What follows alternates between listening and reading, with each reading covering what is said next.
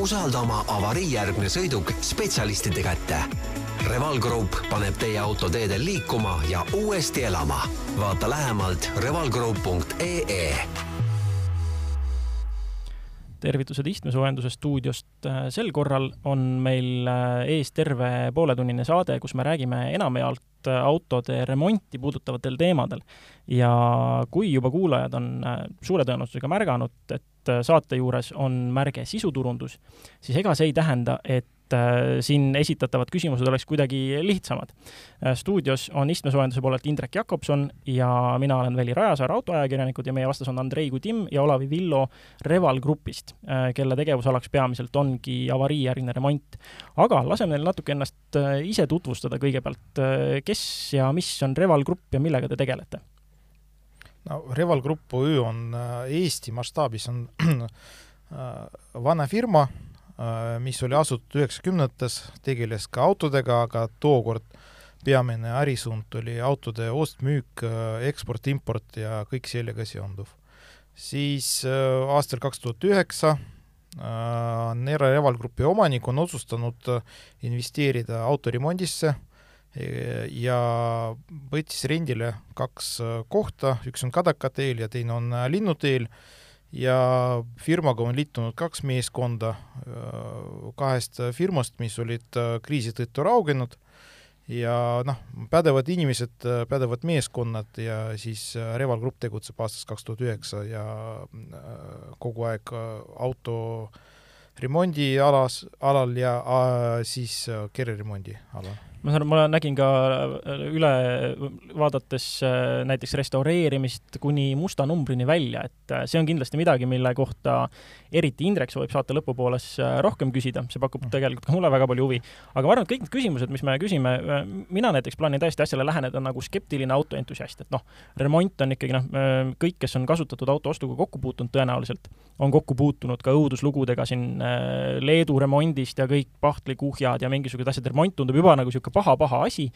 et minu põhiline küsimus ongi see, et äh, kuidas te autot remontides siis, kuidas see protsess on, kuidas te kvaliteedi tagate, mis on teie põhilised, äh, no mis on teie põhimõtted autot remontides üldse? no on olemas head tavad, on olemas reeglid. kui me räägime kereremondist, siis on üsna palju, on äh, kirjas liikluskindlustusfondi kodulehel, et kuidas auto peab olema taastatud peale avariid mismoodi näeb üks korralik äh, värvitöö, äh, seda saab sealt kõike lugeda, et varsti ilmuvad ka, ilmub ka hea tava äh, siis autoremondi ja kindlustusseltsi vahel, see tava, mis korraldab koostööd, ja on olemas ju need reeglid, mis on püsti pandud tehase tootja poolt, et kuidas üks korralik auto peab olema korralikult taastatud aga üks asi on, on ju see, kui, äh, kui kindlustus äh, näeb ette mingisuguse remondi ja teine on see, kui tuleb äh, tavaklient tänavalt nii-öelda, kuidas selle tavakliendi jaoks see protsess välja näeb, et kui, kui tal on soov oma autot remontida, kui kaugele see auto nii-öelda enne hinnapakkumise andmist üldse laiali võetakse ja üle hinnatakse ja kuidas näiteks see varuosade valik on, et kas ainult originaalosad või, või ka, või, või dikteerib selle kõik klient, et kuidas see protsess tegelikult käib? no siin ongi äh, peabki aru saama, et äh, kui me räägime kindlustusseltsiga äh, koostööst, siis on tegelikult on selline kolmnurk, et ühes nurgas on kindlustusselts, äh, mis hüvitab kahju mm, -hmm. teisest nurgast on klient ehk siis tellija ja töökoda. töökoda peab kliendile pakkuma rahuldava tulemuse, mille maksab kinni kindlustus et siis siin mõnevõrra suhtlus on äh, keerulisem, kuna me peame äh, selle kolmnurga raames tegema koostööd. et äh, äh, tegelikult viimased tendentsid seadusandluses ka, et kindlustusselts korvab ainult kahju ja nii see nimetatakse, et varsti me hakkame tegelikult esitama arvid ka kliendi nimele. ja kindlustus maksab kahju kinni, ehk siis tellija on klient, aga selles kolmnurgas on ongi üks oluline komponent, on kindlustusselts, mis maksab raha ja siis me peame äh, mängima vastavalt nende reeglitele, mis on pandud äh, nii-öelda kindlustusseltsi poolt, mis on pandud äh, liikluskindlustusfondi poolt mm -hmm. ja siis on seadusandluse poolt. et näiteks, et seadusandja ka ütleb ütleb tulevikus ka oma sõna sekka, et näiteks ma ei tohi taastada autot kasutatud turvavarustusega. Seaduse poolt on pandud äh, piir ette, et turvavarustus peab olema uus pakkumises. ja kui pakkumine selle tõttu läheb lõhki, siis auto kantakse maha. asi lihtne. kui me suhtleme otse kliendiga, siis on mõnevõrra lihtsam suhtlus, kuna me suhtleme omavahel ja siis me saame leppida otse kõik asjad kokku, ehk siis äh, noh, täpselt klient, me teeme nii palju äh, korda mm -hmm. jälle, jälgides kõik reeglid, et auto oleks äh, korralikult taastatud, et me annaksime tööle garantiid ja siis auto oleks turvaline. näiteks ka selle seaduse jälgida, järgides ma ka ei, kliendile ütlen otse, ma ei saa su autot taastada kasutatud turvavarustusega mm. -hmm. mõistlik see viib kohe isegi mitme küsimuseni, mis mul siin äh, peas tekkisid, et ähm, üks on see, et äh, noh, üks asi on see nii-öelda algne hinnapakkumine selle põhjal, mis, mis tundub, et on katki, aga noh, jällegi autoremondiga ise näinud igasuguseid asju ja endalgi autosid katki sõitnud ja pärast taastada üritanud, alati lahti võttes ilmneb äh, mingisuguseid puudujääke veel, mingisugused asjad, mis algselt välja ei tulnud, mis algselt üldse nii-öelda hinnapakkumisse ei jõudnud, mis äh, toovad tunde juurde. mida see nüüd siis kliendile tähendab ja kui tegu on veel kindlustusjuhtumiga, kuidas see siis äh, laheneb, kui seal ilmnevadki, tulebki rohkem töötunde, arve paisubki üle selle, mis kindlustus on arvanud ja kliendile öelnud, on ju, et kuidas, see siis laheneb? no sisuliselt kindlustusseltsiga koostöös see asi on äh, niivõrd lihtne, et sa teedki lisapakkumise ja kõik, mis on seotud avariiga, tehakse korda, absoluutselt. sellega nagu üldse probleemi ei ole, et äh, noh, kindlustusselts vaatab üle, ekspert on äh, mõistlik inimene väga suure kogemusega ja pädev äh, tehnikaalas inimene, ehk siis ta kinnitab lisapakkumise ja raha saavad makstud mis puudutab kliendi teenindamist, kui me teenindame otse, et meie maailmas ju kõik on elektrooniliselt võimalik, et teeme lisapildid, teeme lisapakkumise ja jälle pakume noh, erinevad remondivõimalused, noh, ühte sõlme saab nii remontida kui mm -hmm. ka mhm. vahetada, et siis jälle selgitame kliendile, mida täpselt äh, tähendab remont, kui kaua see kestab, kui äh, pika garantii saame sellele anda, mis tähendab va-, noh, no mida tähendab vahetus äh,, ja kui palju läheb maksma. kas me kasutame mm -hmm. uue varuse, originaalvaruse, asendustoode või siis me kasutame kasutatud varuse. iseenesest see on niisugune väga positiivne asi, sest ma olen palju sellega kokku puutunud ja noh, jällegi on see, et äh, väga paljudes töökodades kiire, kiire, kiire on ju, ilmneb mingi puudujääk, äh, meister võtab ette, teeb kohe korda, pärast kliendile on lihtsalt äh, suurem arve, ups, ei jõudnud keegi üldse nagu üle küsidagi, et kas on okei okay,, et arve nüüd paisub, on ju, et, et see on asi, millest ma, ma olen päris palju näinud nii-öelda pahaseid kliente aga siit tuleb kohe järgmine küsimus, et äh, nagu juba jutuks oli, et te kasutate uut varuosa, kasutatud varuosa või mõnikord lihtsalt remondite, et kuidas te selle valiku teete, rääkige sellest protsessist, et noh, ma tulen oma autoga, auto on katki, otsa sõidetud, kuidas te hindate seda, et see vajab, äh, see detail vajab asendamist, äh, siia võtame ilmselt natukene lahti ja parandame ära, et kuidas, kuidas see protsess välja näeb? No iseenesest kui te tulete, et ega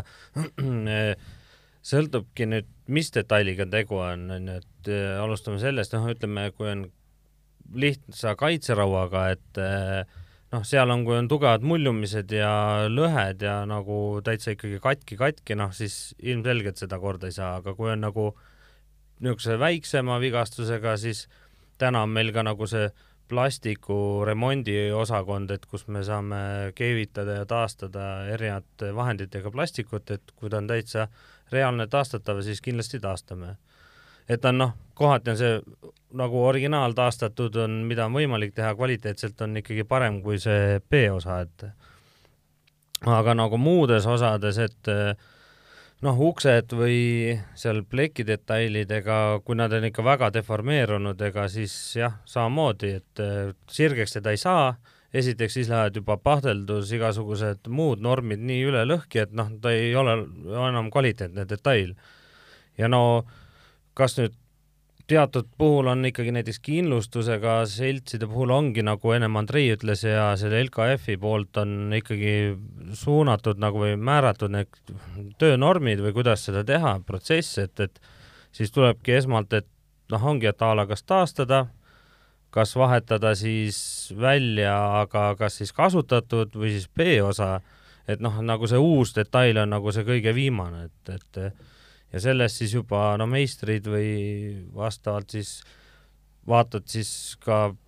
töö, töötegijaga nagu üle, et noh, mis asjad siis, mis lähevad taastamisse, mis mitte, et no. ja teatud detailid muidugi B puhul on ka sellised, et nendega on probleeme ja nad noh, nad ei sobi ja siis on lihtsam valik ikkagi võtta see noh, kasutatud ikkagi detail, et see on kindlasti sobib autole ilusti külge ja ei teki lisatöid ja noh, koormust nagu.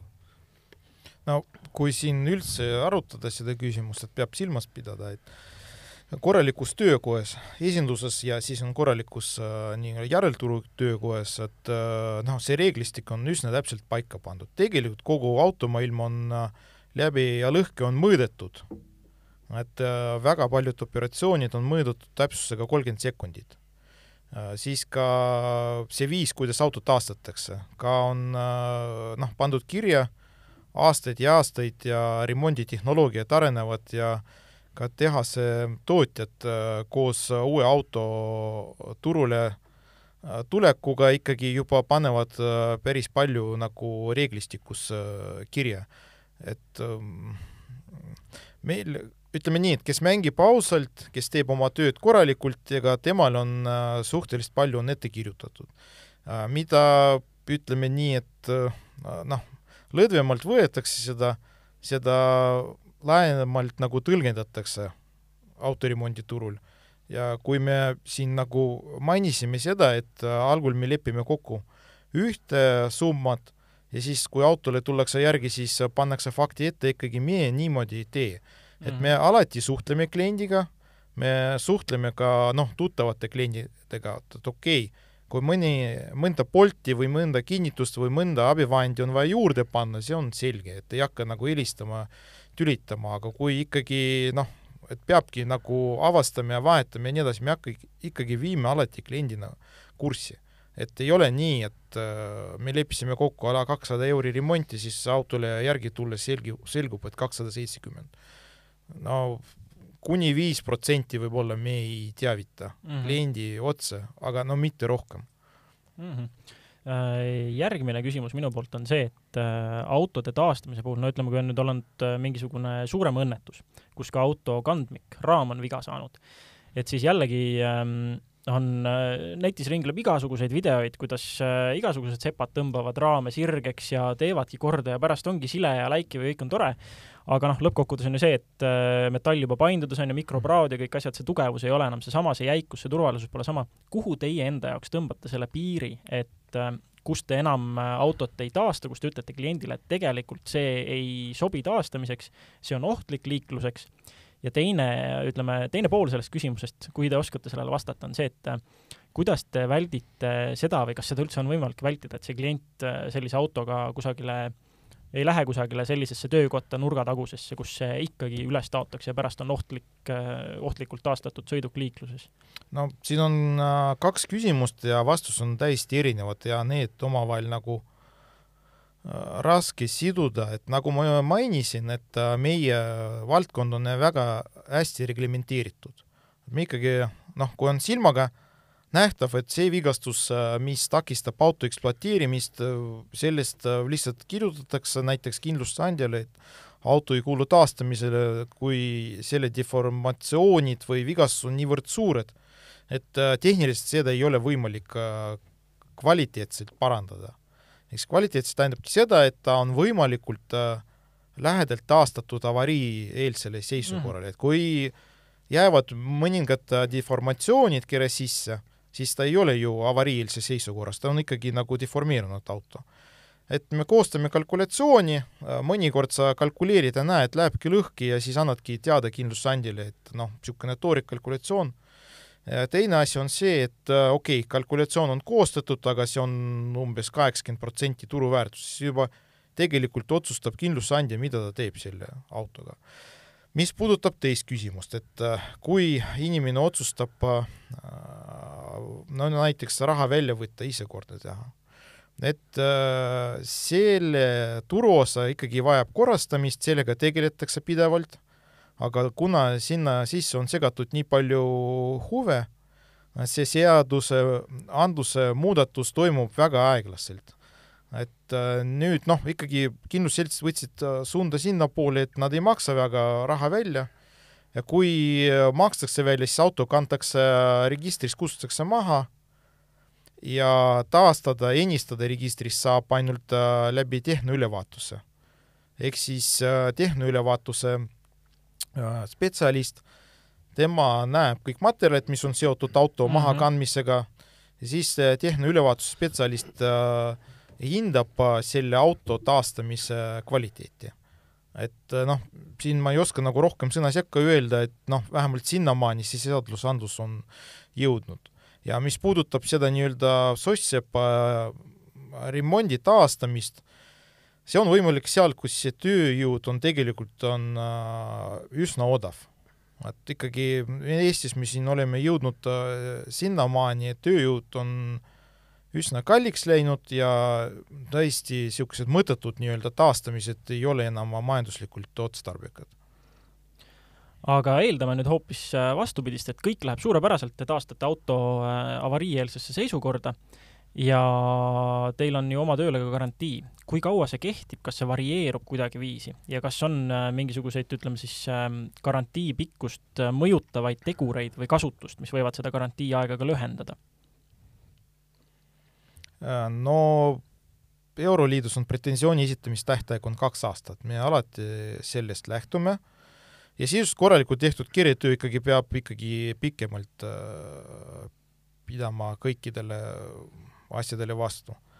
et me ikkagi hindame, vaatame, et kui me näeme, et äh, meie poolt või meie töötajate poolt on äh, rikutud tehnoloogia, midagi, mingi etapp on vahelt äh, välja jäetud või tehtud natukene kehvasti või või kasutatud vale võte, vale materjal ja selle tõttu on mingi probleem on tekkinud, loomulikult me käsitleme ja teeme korda seda. isegi äh, kahe aasta möödudes aga ütleme näiteks, et noh, kuna mul on endal üks hobiauto, on ka niisugune, mida ma kasutan äh, rohkem isegi vast äh, rajasõidul kui äh, liikluses. ütleme näiteks, ma toon sellise auto teile keretöödesse, noh, mis iganes, ma ei tea, värviparandus, värvi, noh, ülevärv või mis iganes keretöödesse ja samamoodi, kas, kas see, et ma teda rajal kasutan, on kuidagi teie silmis niisugune asi, mis amortiseerib seda kuidagi rohkem ja see, selle võrra kehtib ka näiteks lühem garantii või kuidas sellega on? no näiteks, kui me taastame värvimikapotti mm, -hmm no me anname garantii ju värvkattele ja kui värvkattel on mehaaniline vigastus, mitte sellepärast, et näiteks äh, on näha, et lakk praguneb äh, niisama või pigmenti muutus või siis on nagu järelkuivamise jäljed mm. -hmm. aga noh, kui on äh, selge mehaaniline vigastus, mis on tekitatud teie poolt, siis kahjuks nagu garantii alla ei kuulu, aga kui on näiteks, on värv sisse kuivanud, on jäljed näha lakke all mm, -hmm noh, mustal värvil või mis iganes, et siis äh, seda me parandame ära no paganas, ma ikka lootsin, ma toon teie juurde, siis pärast rajal sõidan kellegi sabas ja kõik on kivitäkkeid asju täis, aga no, no siis, no siis tean, et no, siis reeglid tegelikult on äh, igal pool on ühed ja samad, et noh mm. -hmm. aga kui nüüd võtta see musta numbri asi ette, siis äh, mind täitsa huvitab, et äh, milline on teie arvates, ütleme siis, kõige suurem musta numbri taastamise töö, mis te teinud olete, et ja noh, mis oli ka teie jaoks, ütleme, see kõige pikaaegsem ja võib-olla põnevam sõiduk, mis te olete musta numbri vääriliseks taastanud? no meil on ikkagi äh,, siiani me oleme taastanud äh, peamiselt Vene tehnikat ja seal hästi palju sõltub, et mis tooneri sa taastamiseks valid, tegelikult noh, turul on ikkagi valikud. Ja pole mõtet võtta seda sõidukit, kuhu sa pead kulutama ülemäära ressursse on ikkagi natukene kannatust, natukene otsimist, et see Nõukogude laager näiteks endine on päris suur, et praegu tuuakse autosid ka Venemaalt ja Ukrainast ja Valgevenest, ikkagi kuskilt garaaži alt tuleb päris korralik eksemplar, millega sa ei pea väga palju tegelikult vaeva nägema, et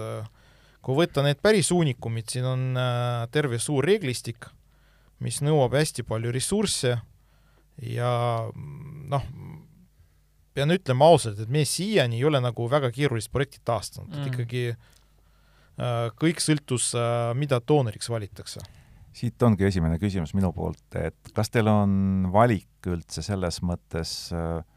noh, kui klient tuleb, ütled, et näe, siin on minu auto, ma tahaksin sinna musta numbrit, kas te ütlete, et oi, seda marki ja seda mudelit me ilmselt ei taha, et sellega minge kuhugi mujale, või te seda nagu sellist eelselektsiooni ei tee või te hindate nagu seda autot hoopis seisundi järgi või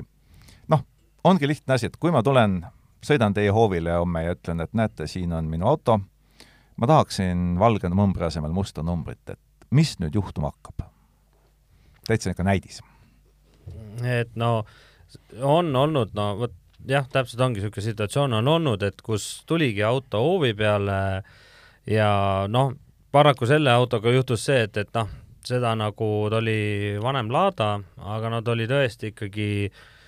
natuke palju seda,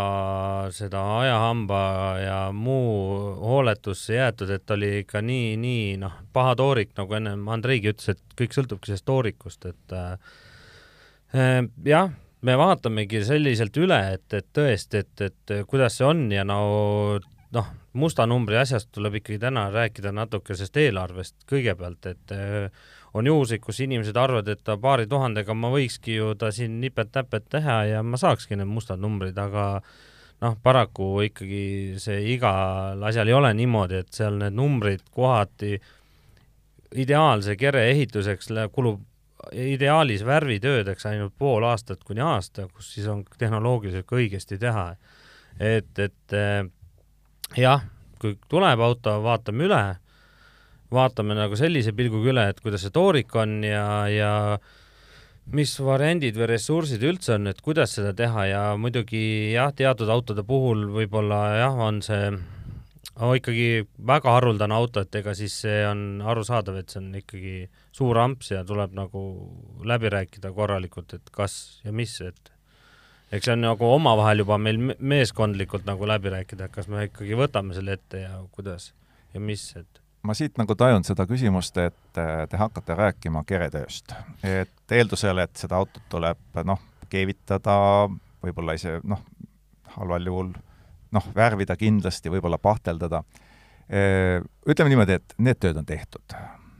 ja ikka tuleb ta teie hoovile ja ütleb, ma tahan musta numbrit, mis te siis teete? No seal jälle reeglistik on hästi täpselt äh, paika pandud, tegelikult meie nagu numbrit ei väljastata, väljastab riiklik komisjon, mis äh, koos, äh, koosneb, et väga pädevatest ja kogemu, väga suure kogemustega inimesi. et reegel on üsna noh, kui ma võtan hästi jämedalt, on äh, mida vanem auto, seda äh, suurem protsent äh, taastatud varuosadest võib ta küljes olla või asendatud varuosadest. kui auto on pärit aastast tuhat üheksasada kolmkümmend, siis seal nagu originaalvaruste protsent on juba üsna madal, kuskil neljakümne, viiekümne piires. kui tegemist on Vene tehnikaga ja ta on kolmkümmend, kolmkümmend viis, nelikümmend aastat vana, seal on ikkagi originaalvarusade ja originaal-lahenduste protsent on üsna karm, üheksakümmend kaheksa ja kõrgem et äh, nende osadega on lihtne, siis otsid kuskil, kas äh, laadalt, kas internetist äh,, kas äh, spetspoodidest ja nii edasi, et noh, see taastamine nõuabki ressurssi, rahalist ja ajalist ressurssi. et äh, noh, me kõigepealt parandame need äh, väga silmapaistvad äh, vead ära. ja siis äh, kutsutakse ekspert kohale, kes annab oma hinnangu ja oma soovitusi ja siis vastavalt tema soovitustele nagu me toimetame edasi. ma lihtsalt tahaks mainida, et see nii-öelda noh, mõned inimesed ostavadki endale, et ma ostsin endale hobiauto, mul on tuhat eurot, tehke sellega midagi. sisuliselt äh, see ei päde, et äh, noh, okei okay,, sul on Ford Sierra, mis on äh, enam-vähem normaalses seisukorras, et noh, seal täpselt sama reegel, mis on nii-öelda noh, kasutusautode puhul, et noh, pannakse ta sõitma kõigepealt, et see on nagu juba kaks-kolm tuhat eurot. Ja siis juba ekspert vaatab üle ja ütleb, et palun asendage see toode selle toodega, tootega ja, ja nii edasi ja nii edasi, et et noh, see on niisugune noh, keeruline teema, et ütlen ausalt, see musta numbrite projekt on, ta on alates viis tuhat, viisteist, vabandust, viisteist tuhat ja ülespoole, et ikkagi suur ettevõtmine. jaa, või siis on ikkagi tõesti teil on vedanud, et äh, vanaisa auto hea toorik on ju mm. -hmm. päritud garaažist välja veeretud ja seal on ainult mõningad pesemised, pidurite vool- mm, -hmm. pidurite, voolikute, klotside vahetused ja nii-öelda õmblused ja nii edasi see on vist see, et iga, iga nagu niisugune autoomanik kipub arvama, et no mul on nüüd see teemant sealt kusagilt äh, muu äh, jura seest, et äh, ja siis alati tuleb välja, et ikkagi nii see päris ei ole, on ju. No mustade numbrite saamine ehk siis auto restaureerimine on ikkagi natukene teistmoodi projekt, siis seal on äh,, ei olegi enam tihti äh, millest lähtuda, et äh, seal on ikkagi ajaarvestust käib teistmoodi, on, äh, ajaarvestus käib stopperi järgi, ehk siis kui töömees tegeleb selle autoga, ta panebki need tunnid endale kirja. ja kahjuks seal ei ole enam niimoodi, et kui inimene joob kohvi, siis äh, see aeg arvestusse ei lähe, ikkagi läheb kuna inimene teeb tööd oma peas, et noh, see on rahva suust on teada seitse korda mõõda, üks kord lõika, et täpselt selle põhimõttega käik, käikvis ja taastamine, mida rohkem on taastada, mida rohkem on käsitsi valmistada, seda rohkem läheb aega. et ongi see taastamine, restaureerimine on aeganõudev ja ressursinõudev äh, äh, projekt, et äh, selles mõttes see klient võib siin kaasa ka lüüa, aidata. kui ta otsib varuosa, siis ta võib olla tundide ja päevade äh, ja kuude viisi otsib ta internetis. et on neid äh, oksjonid on palju, on äh, hobiautode foorumid on palju, on äh, palju igasuguseid kodulehti ja maailmas ka, see on tegelikult omaette tööstus on tekkinud, et näiteks mõned firmad ostavadki tehaste laojäägid kokku, näiteks mingi Toyota laojäägi aastast kuuskümmend viis kuni mm -hmm kaheksakümmend viis ja, ja siis hakkabki sellega kauplema. et äh, noh, veel kord, et noh, kui sul on soov haruldaselt autot omada, siis ka teatud reeglid ka endale sa pead looma, sina selle autoga talvel ei liikle mm. -hmm. sina hoiad ta äh, äh, nii-öelda loodusest, sul on koht, kuhu sa parkid seda, garaaž peab olema kuiv, soe see ka noh, rahakulu, rahakulu, rahakulu, aga jälle maailmas see on kasvav tendents ja trend, sest äh, kõik asjad, mis on valmistatud, ta on reaalsed asjad metallist, puidust, materjalist, äh, nad äh, oma väärtuses kasvavad. Ja see ongi üks viis, kuidas oma säästud nagu investeerida, säästa, nii-öelda kasvatada, vähemalt nad peavad sammu inflatsiooniga ja siis äh, hiljem realiseerida. jaa mõnedele inimestele on äh, ka teatud äh, teistmoodi väärtus, see oli vanaisa auto, see oli vana-vanaisa auto, aga jälle, kui on midagi taastada, siis taastame, kui ei ole, siis ikkagi noh, anname nõu. no nõu me anname alati, et tulge, näidake, küsige, et äh, noh, me kohe näeme, kas on mõtet sellega tegeleda või ei ole mõtet. Ja kui ei ole mõtet, ega me ju ei taha endale tekitada peavalu. me anname inimesele asjakohase nõu, et noh, no ei tasu selle projektiga tegeleda, see projekt tulevikus ei too teile mitte kui midagi, ainult äh, suure rahakulu ja ikkagi sellest ei saa mitte midagi. rahaliselt jah, et see kliendile nagu midagi ei maksa, et, et, et alati head nõud on hea anda ja ka mõne kliendiga ka sel teemal suhelda, et äh, et mõn-, mõnel ongi, et eh, jah, see hea nõu toobki natuke maa peale võib-olla tagasi, et, et eh, mõtleb järgi oma plaanid ja teab, mis edasi teha. et kui nüüd see restaureerimise ja autode taastamise ja musta numbrisse toomise temaatika kokku võtta, siis siit võib eh, teha nüüd meie saatekuulajatele paar sellist järeldust, et iga auto, mis on vanem kui kolmkümmend viis aastat ei vääri veel musta numbrisse taastamist, sest kulu sellele võib olla liiga suur ja tulemus ei pruugi olla lihtsalt seda väärt. ja iga auto puhul, mida me taastama hakkame, siis see alati on individuaalne projekt ja ei ole kunagi kahte ühesugust autot ja ühesugust tulemust ühesõnaga võib öelda, et siis laias laastus teie jaoks ka need äh, musta numbri restaureerimisprojektid on sellised, ütleme noh, äh, ikka hinge ja südame projektid siis, kui muu nii-öelda suuremate remonditööde kõrvalt nagu aega jääb, aga kuidas see remondi nõustamine käib, teil ju see on, see on ikkagi siis täiesti põhirõhk ju sellel, on ju? no täpselt, osa äh,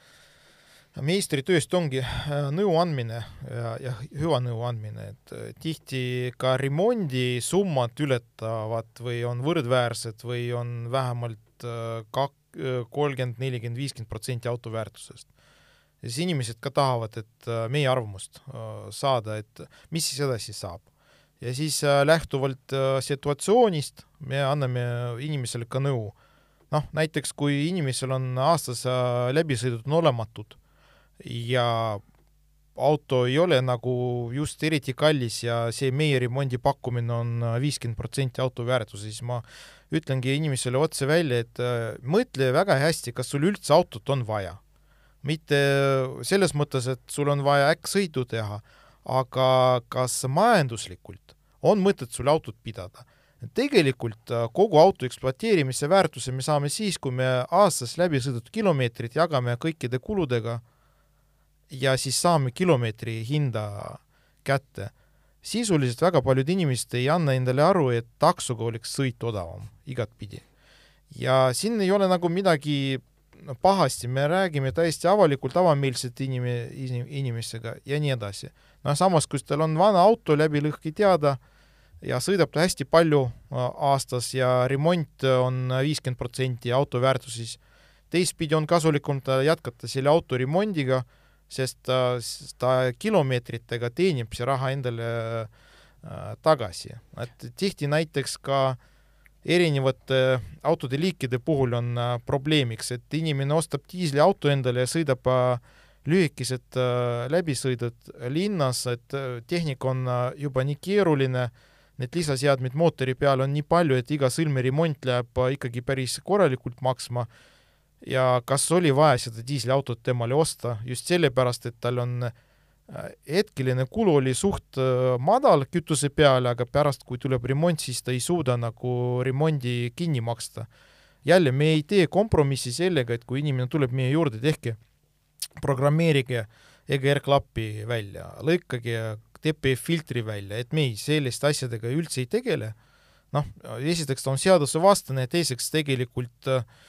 see ongi allamäge minek, siis auto enam ei tööta korralikult ja siis äh, need äh, vead äh, viisavad tulema. tagasi tulles selle läbisõidu puhul, et see remondid, et on ka juhuseid, kus inimesel ongi auto seisnud, noh, noh, sõidabki vähe, et aastas paar tuhat kilomeetrit ja mõnel on isegi Nokia kaks-kolm tuhat, tuleb tag-, remonti hooldusesse ja siis ta on natuke hämmeldunud, et ikkagi see hoolduse summa on nii palju, et aga ma ju sõidan nii vähe et noh, paraku ongi, et, et nagu peab paika, et see auto seistes ikkagi hävineb rohkem kui sõites, et äh, vahepeal õli... plöörid puhkad, puhtaks ka lasta? jah, tuleb ikka jah, et, et ja nagu selle õlivahetusega, et need pikad välbad meie, meie antud siin oludes ka, see kolmkümmend tuhat ikkagi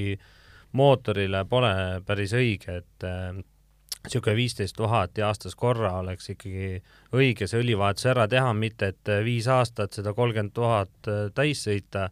ja siis on imestunud, et et mootor on väga tahmanud ja must ja, ja ei ole enam seda õli, õli nagu õiget tööd seal, et, et see kõik, kõik ikkagi mängib rolli, et tuleb ikka, tuleb tihedamini ikkagi oma autot hooldada, et ja muus osas ka, et ega vedrustuses samamoodi, et puksid ja kõik nad väsivad ja laagrid, et, et selles suhtes, et et, et see läbisõit iga kord seda autot nagu paremaks ei teegi no nüüd seda musta numbri ja sellist äh, kasutatud auto remontimise juttu siia otsa sai nagu hästi palju, aga mul on tore, et siin kumas läbi üks mõte, mis on meil ka eelnevates saadetes palju olnud, et et seda vana või äh, kasutatud autot käimas hoida on tihti isegi keskkondlikult nagu äh, mõistlikum kui see, et muudkui uut autot endale osta.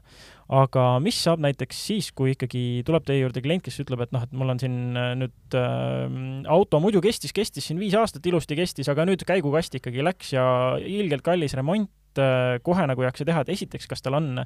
mingisugune finantsvõimalus teilt Ähm, kas või ma ei tea, järelmaksuga või laenuga või kuidagi see remont ikkagi ära teha, et no hullult on vaja sõita. ja, ja mis, mis hüvanõu te, te sellisele kliendile selles olukorras annaksite, et ta on teil seal ja nii-öelda nutab, et nüüd nii palju maksab?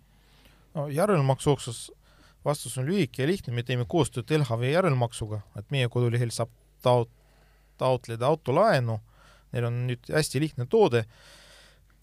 noh, viis tuhat hästi lihtsalt äh, kätte kas auto ostuks või auto remondiks, et me teeme oma pakkumise, et majandame, aitame ja nii edasi. mis puudutab suuremat rikket või, või, või keskmise kuluaasta suhtes, et no iga kasutaauto omanik tihti teab, et mõnda aastat ta sõidab hooletult, vahetab ainult õli ja siis äh, kahe aasta möödudes tekib mingi suurem probleem. Äh, tegelikult äh, minu arvutuste kohaselt ja pika kogemuse kohaselt, et kui me võtame kõik ekspluatatsioonikulud, välja arvatud kütus, keskmine kasutusauto olenevalt margist ja keerukusest tahab aastas oma ülalpidamise kuludeks saada kuussada kuni tuhat eurot.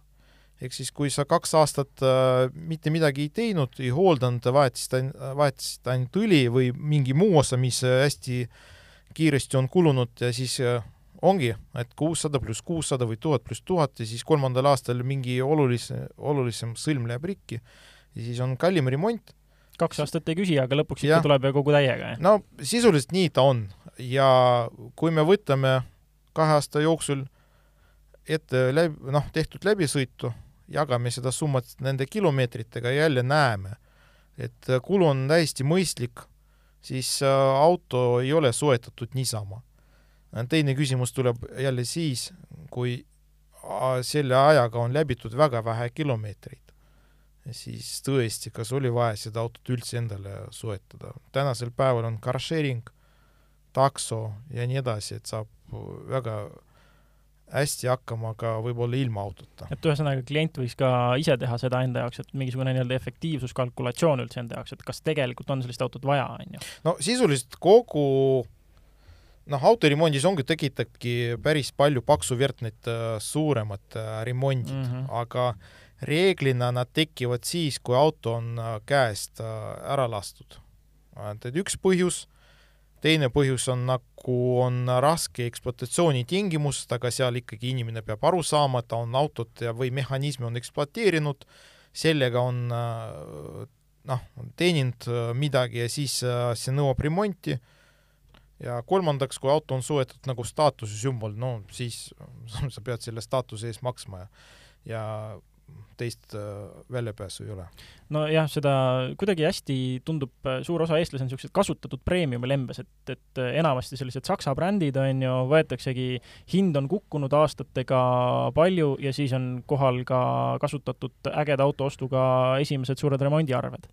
no nii ta on jah, ja seda on näha paljudel suurt pettumust, et soodsalt on saanud selle premium brändi auto kätte ja kui seal tõesti mõnel on õhkvedrustuse probleemid või kuulevad selle ühe püstaku hinda, siis on nagu, kaovad leti alla ära korraks pikali, et ja siis on, siis ongi see mure, et mis edasi, kuidas nii. no siin noh, ja eelneva nagu asja juurdegi, et eh,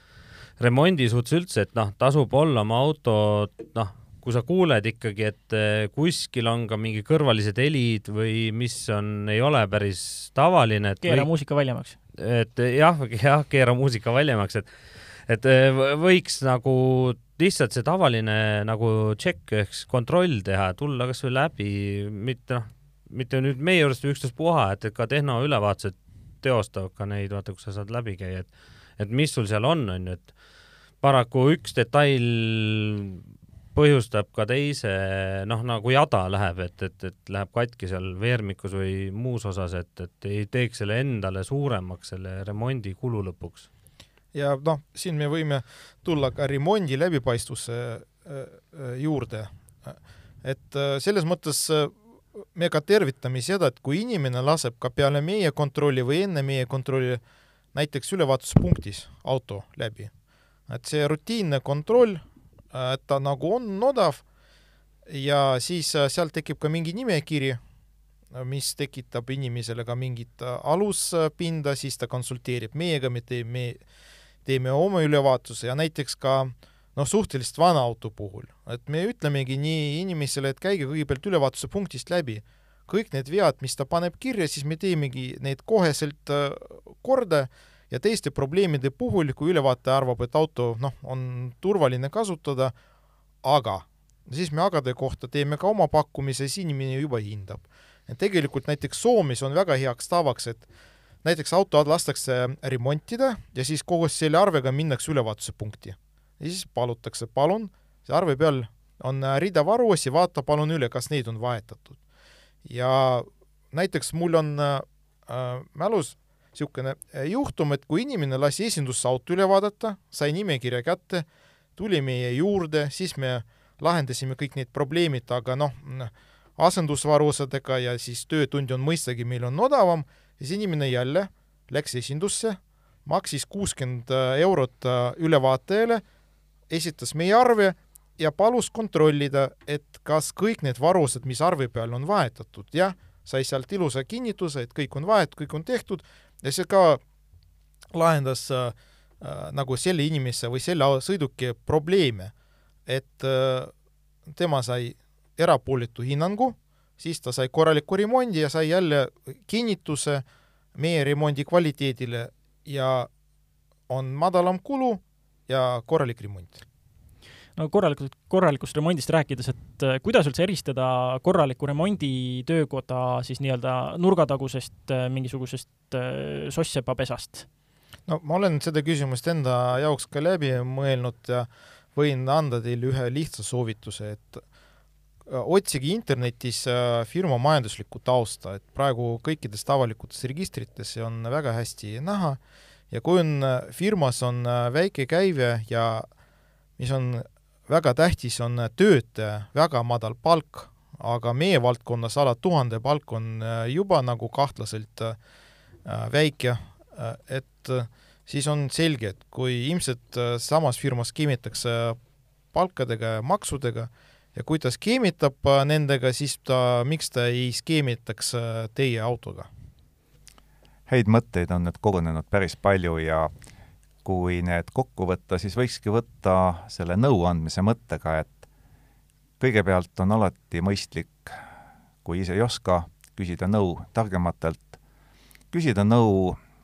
autodega tegelevatest ettevõtetest ja küsida nõu nendelt ettevõtetelt, kelle puhul võite olla kindel, et tegu on ka usaldusväärse ettevõttega, siis saate ka nõu, mis on teile endale kasulik. Ja sellega võiksimegi tänase saate lõpetada usalda oma avariijärgne sõiduk spetsialistide kätte.